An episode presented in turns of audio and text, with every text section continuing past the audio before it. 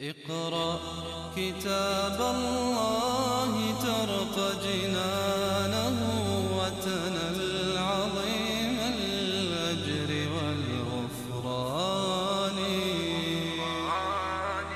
رتله روي القلب من نفحاته كالماء يروي لهفة العطشان يأتي قال الله تعالى أفعينا بالخلق الأول؟ بل هم في لبس من خلق جديد. أنا لا زال في مجادلة معهم في شأن البعث. الله تعالى يقول خلقناكم المرة الأولى. هل عينا بالخلق الأول؟ هل عجز الله تعالى عن أن يخلق الناس أول مرة؟ مع أن البداية أصعب من الإعادة في مقاييس الناس وحساباتهم. قال الله عز وجل بل هم في لبس من خلق جديد. واللبس اللبس هو التردد أو الاضطراب أو أن تدخل عندهم بعض المعاني في غير بابها. هذا هو اللبس. وذلك أن هؤلاء القوم الذين كذبوا بالبعث كانوا يقولون أإذا متنا وكنا ترابا ذلك رجع بعيد. فهذا هو اللبس الذي عندهم أن يخلقوا من جديد. وغفلوا عن مسألتين. المسألة الأولى أن الذي خلق أول مرة قادر على خلق مرة أخرى. فهذا يدل على إمكان ذلك وأنه ليس شيئا مستحيلا. يعني البعث لا أحد يقول من العقلاء بأن البعث مستحيل. يبقى السؤال هل يحدث أو لا يحدث؟ هل هو واجب؟ هنا الأدلة القرآنية تأتي لتبين ذلك الأمر ويكون الإيمان بالله سبحانه وتعالى وبالقرآن مؤكدا لهذه العقيدة التي هي جزء من الإيمان بالله ومن الإيمان بالرسل ومن الإيمان بالقرآن وأجمع عليها النبيون والمرسلون عليهم الصلاة والسلام ويدل عليها العقل والفطرة السليمة. فهنا الله تعالى قال بل هم في لبس من خلق جديد. يعني أنه أمر مستغرب أن يؤمنوا بأن الله هو الخالق لأنه إذا سئلوا من الذي خلق قالوا هو الله سواء السماوات والأرض أو خلق الإنسان. فكيف إذن يلتبس عليهم الخلق الجديد؟ قال الله تعالى ولقد خلقنا الإنسان. هنا تفريع على المعنى الأول. فعينا بالخلق الأول. الله تعالى هنا يتكلم عن الخلق. ولقد خلقنا الإنسان. هنا المقصود جنس الإنسان. فالله تعالى خالقه. ولكن النص يعتني بشكل خاص بهؤلاء المشركين الكافرين لأن السياق فيما بعد يدل على معاملة خاصة لهم وعلى حديث مباشر عنهم هم دون بقية الناس. والله تعالى خلق الإنسان قال ونعلم ما توسوس به نفسه. إذا الله تعالى ليس خلق الناس ثم تركهم أو يعلم المجملات ولا يعلم التفاصيل بل خلق الإنسان وهو يعلم. ألا يعلم من خلق؟ وهو اللطيف الخبير. فهو لطيف يعلم تفاصيل الأشياء حتى يعلم ما توسوس به نفسه يعني الخواطر والهواجس والأفكار والأسرار وما هو أخفى من السر. بل الإنسان يوسوس بشيء وينساه أحيانا حتى لو سئل عنه ما يتذكر. وربما لا يشعر هو بأنه يوسوس أو يفكر أو يهجس. خواطر. الله تعالى يعلم هذه التفاصيل.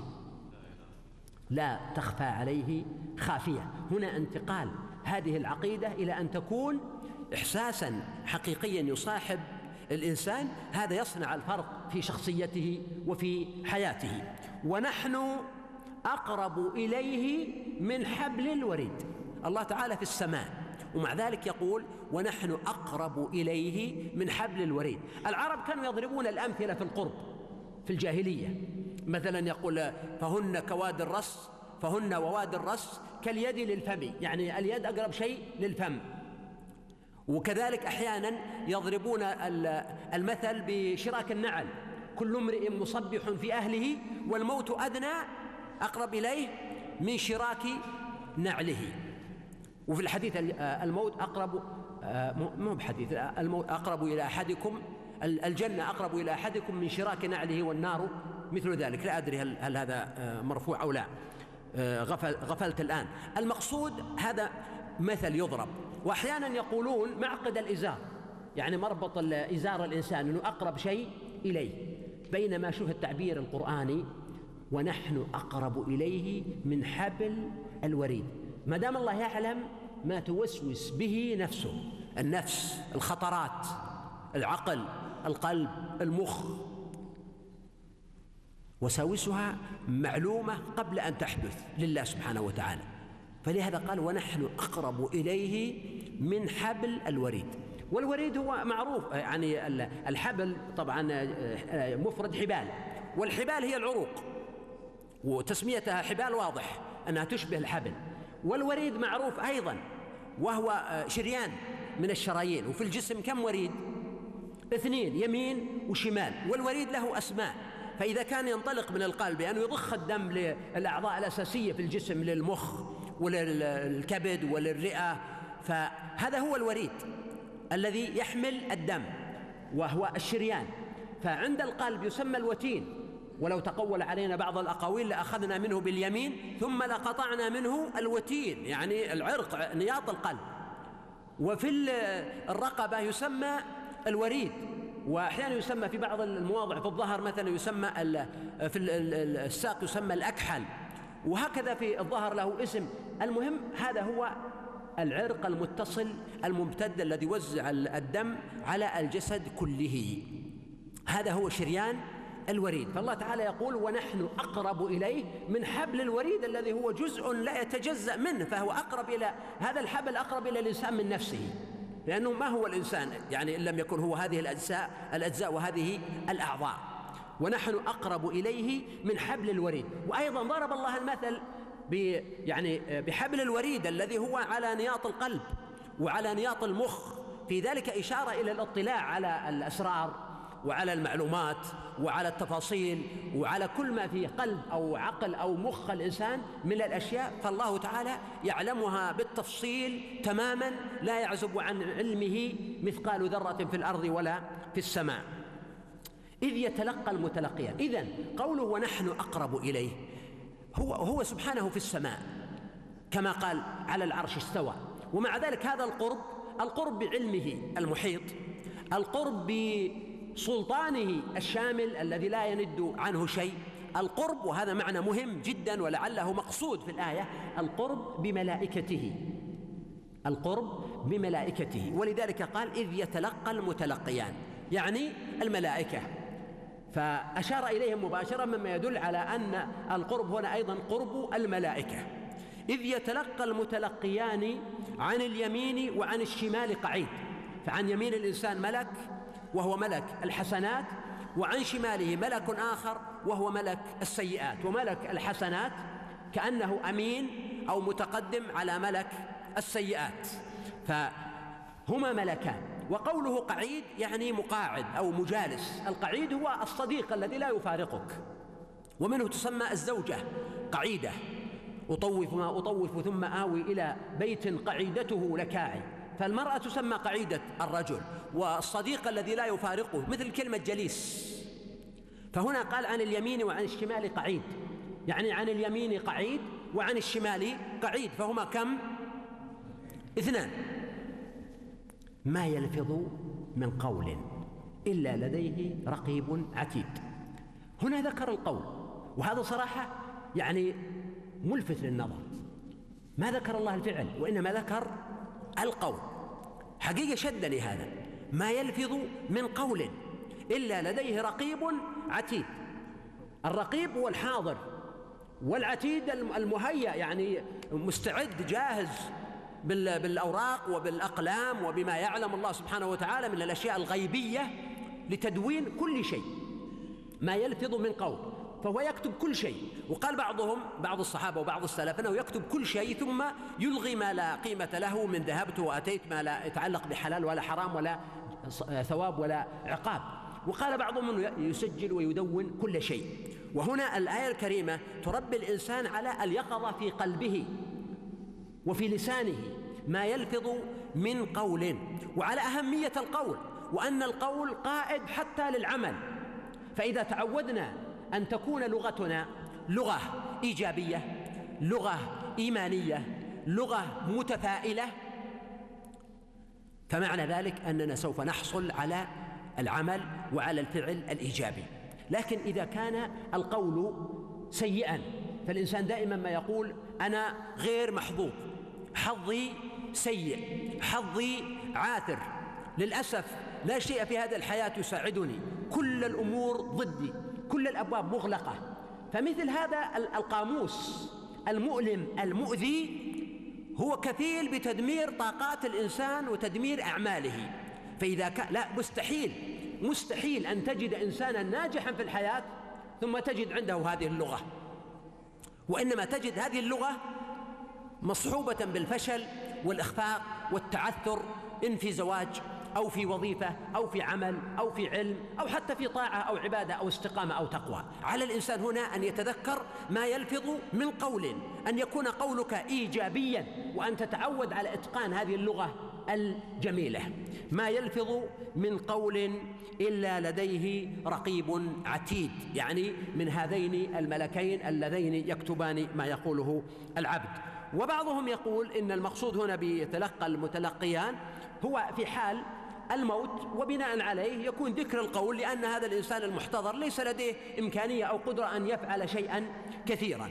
قال سبحانه وجاءت سكرة الموت بالحق والسكرة هي ذهاب العقل ومنه يقال السكر والسكران. فهنا الموت سكرة تجعل الإنسان في غيبوبة في غياب العقل عما حوله. سكرة الموت النزع الاحتضار. جاءت بالحق جاءت باليقين فهو حق لا شك فيه. ولذلك يسمى الموت اليقين. وكنا نكذب بيوم الدين حتى أتانا اليقين. وأيضا الموت أنا أدركت أهلي وجماعتي يسمون الموت الحق. هكذا فلان جاءه الحق أنتظر الحق ويقصدون به الموت. فالله تعالى هنا أشار إلى كونه بالحق.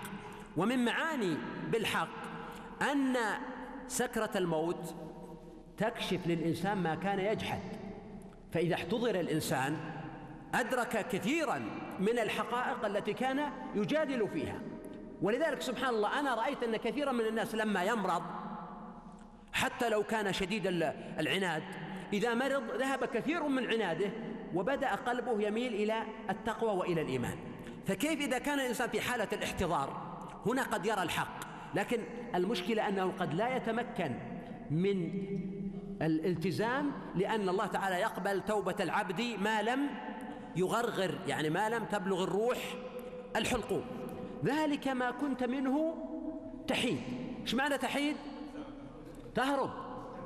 إذا الله تعالى قال قل إن الموت الذي تفرون منه فإنه ملاقيكم. وكل الناس عادة الطبع البشري يميل إلى كراهية الموت حتى الطفل الصغير لما يعني آه، تهدده أو تضعه في مكان رفيع تجد أنه يخاف. وهذا جبلة في الإنسان. فالمؤمن وغير المؤمن كلهم يكرهون الموت. ولذلك النبي صلى الله عليه وسلم لما قال من أحب الله من أحب لقاء الله أحب الله لقاءه. حديث عائشة ومن كره لقاء الله كره الله لقاءه. قالت يا عائشة يا رسول الله أفكراهية الموت فكلنا نكره الموت. قال لا يا ابنة الصديق ولكن المؤمن إذا حضر بشر برحمة الله فأحب لقاء الله وأحب الله لقاءه.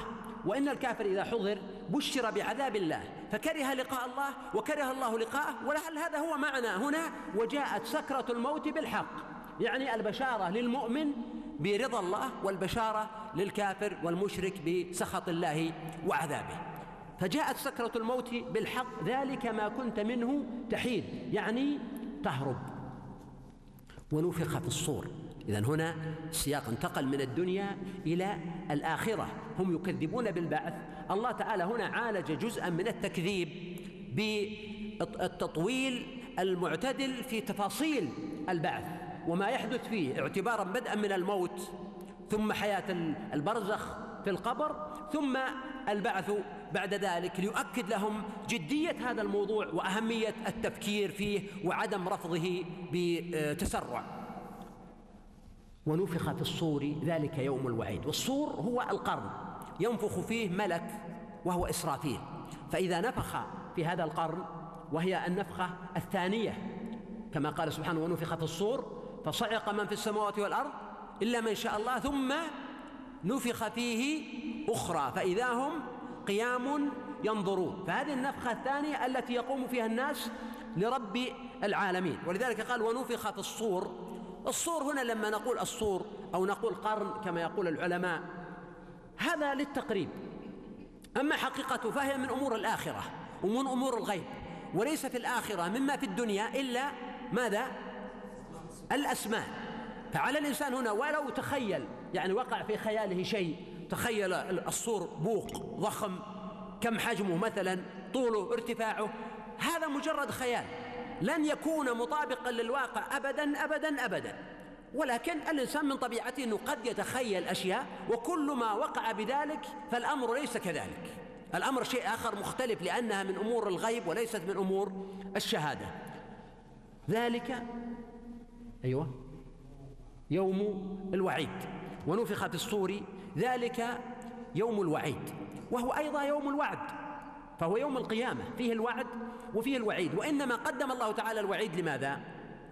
لأن الكلام هو مع أناس مشركين مكذبين فكان من المناسب أن يقدم الوعيد ويحتفل به وجاءت كل نفس معها سائق وشهيد كل الناس يبعثون وكل نفس معها سائق وشهيد يعني سائق يقودها وشهيد عليها واحد أمامها وواحد وراءها. وهذا يشمل المؤمنين وغير المؤمنين. قال الله تعالى وسيق الذين اتقوا ربهم إلى الجنة زمرا وقال وسيق الذين كفروا إلى جهنم زمرا فهناك سائق وشهيد للمؤمن والكافر.